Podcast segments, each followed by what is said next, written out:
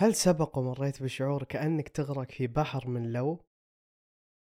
حيث يتردد صدى كل قرار اتخذته في أعماق عقلك يهمس باحتمالات غير محققة ومسارات لم تسلك بهذه الحلقة راح نتعمق في أعماق الندم الغامضة نستكشف تأثيره على حياتنا ونبحث عن إجابات لهذا السؤال القديم هل نقدر فعلا نهرب من قبضته؟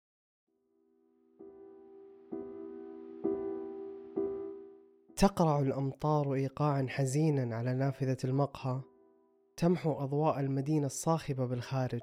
تتناول سارة قهوتها وتعكس نظراتها العاصفة التي تتصاعد بداخلها. قراراتها الأخيرة مثل الحبوب المريرة. تم بلعها وتركت عقد من الندم تضطرب في معدتها. اليوم الليلة تحديدا. لا يكفي وهج المقهى الدافئ لحمايتها من حقيقة ماضيها القاسي.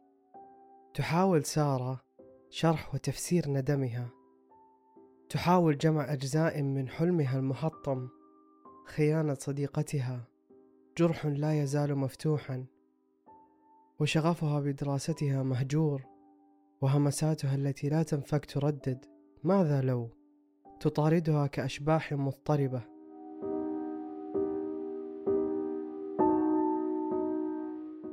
الندم كظل يلقيه غروب الشمس يتبع سارة أينما كانت.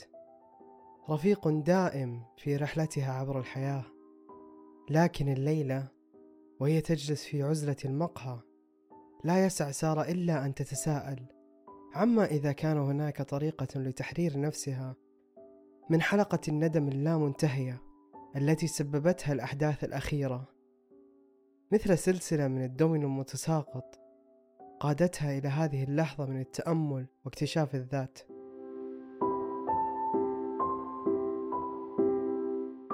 الندم شعور مو ممكن إنه يجي كشعور متجرد لحالة.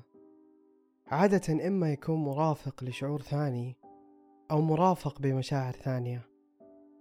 عادة تكون الغضب والاكتئاب ولكن في شعور الأغلب ما يربطه بالندم لأنه عادة يجي بشكل متخفي. إنك تشوف الآخرين يحققون اللي رغبت أنت فيه بيوم من الأيام. راح يولد مشاعر قوية وكثيرة. البعض قد يسعد ولكن في آخرين راح يشعرون بألم الحياة اللي ما قدروا يعيشونها. الطريق اللي ما قدروا يسلكوه. هذا التفكير المضاد للواقع يغذي ويخلق حلقة دائمة من الندم. بس لازم هذه الرمال العاطفية ما تمسك فينا كأسرة. بالعكس لما نعترف بوجود الحسد ونعيد صياغة الندم اللي نشعر فيه كدرس لنا ونحول تركيزنا لواقعنا نقدر نحول هذه المشاعر إلى محفزات للنمو. تذكر أن نجاح الآخرين ما يقلل من إمكانياتنا الخاصة. دائما خلي الحسد والندم يكونوا تذكير بشغفنا الفريد. وكتابة قصة نجاحنا الفريدة.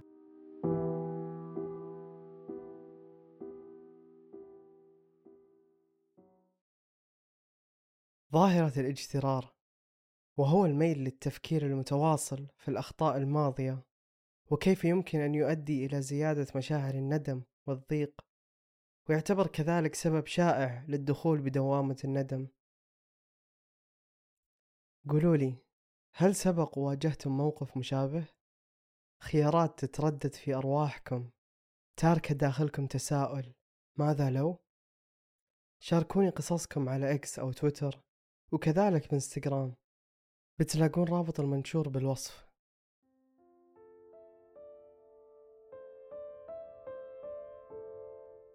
لا يقتصر الندم على روايتنا الشخصية الندم يتردد عبر المجتمعات والثقافات والأجيال كذلك وينسج نسيجا من التجارب المشتركة. خلونا نشوف كيف الندم يتجلى في نطاقات مختلفة خارج حدود حياتنا الشخصية. ندم الأجيال. تخيل شاب تخرج قريب من الجامعة يفكر بمستقبل مليء بالغموض حيث تلقي الآفاق الاقتصادية الهشة بظلالها الطويلة. وتبدو الأوضاع السياسية حول العالم مخيفة. على عكس آبائهم تبدو أحلامهم وطموحاتهم أقرب إلى صورة باهتة أكثر من كونه واقع ملموس. هذا هو التيار الخفي للندم لدى العديد من الأجيال الشابة. الموضوع ما يتعلق فقط بالفرص الضائعة ولكن أيضا بثقل المستقبل المحتمل. خلينا نحول نظرنا لمجتمعنا الصاخب. تاريخه المحفور بالانتصارات والتحديات. حدث معين ممكن صراع أو فرصة ضائعة تترك لنا همسات ماذا لو؟ هذا الندم الاجتماعي اللي ينتقل بين الأجيال يشكل حاضرنا. الندم المجتمعي اللي يعبر عن الظلم والعنصرية اللي تترك ندوب تمتد عبر أجيال وأجيال.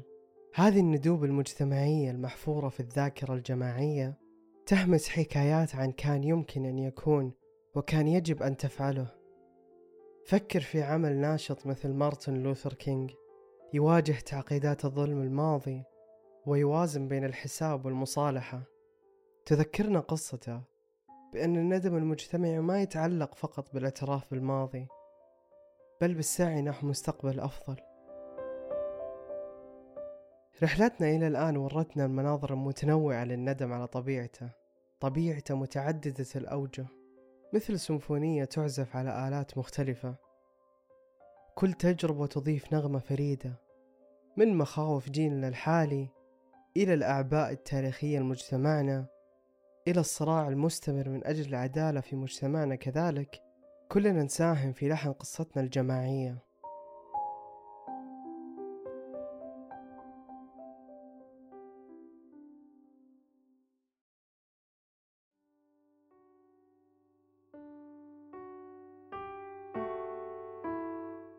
مفهوم الوابي سابي هي فلسفة يابانية قديمة تعلمنا نحضن عدم الكمال داخلنا ونحاول نوجد الجمال في العيوب للحياة. هذه عقلية تخلينا نتأمل ندمنا ونبدأ نشوف أخطائنا مو كشي نندم عليه ولكن نشوفها كأجزاء ما تتجزأ من قصة حياتنا الفريدة وإنها هي اللي تضيف وتعطينا شخصيتنا. لو شفنا الندم من هذا المنظور راح نحس بالسلام والقبول الداخلي.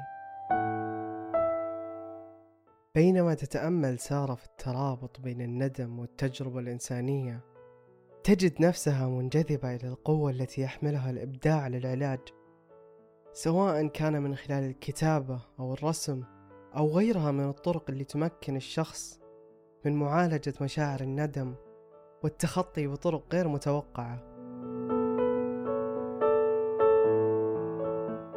مايا أنجلو المؤلفة والشاعرة الأمريكية المشهورة اللي تغلبت على مشقة شديدة وعوائق كثيرة في حياتها من طفولتها المؤلمة إلى العنصرية التي عاشتها بأغلب فترات حياتها على الرغم من كل العقبات. وجدت أنجلو شفاء وعزاء من خلال كتاباتها مستخدمة الشعر كشكل من التعبير عن الذات من خلال كلماتها القوية ألهمت ورفعت عدد لا حصر له من جميع الأعمار والخلفيات.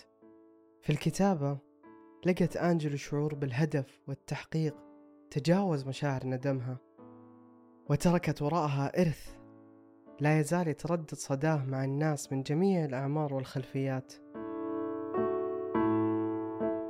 تصل تأملات سارة إلى ذروتها وهي تحدق في انعكاسها على النافذة الممطرة.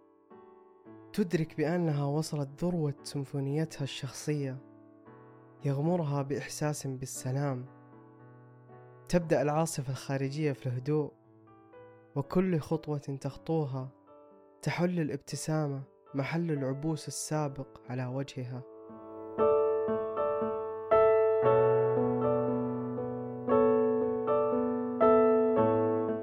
تذكر قصتك أبدا ما انتهت. كل نغمة بحياتك حتى نغمات الندم هي اللي تكون قصتك الخاصة فيك. دائما اختار إعادة كتابة سيمفونيتك الخاصة واحتضن لحظات الندم اللي تعيشها بداخلك. أنا نواف.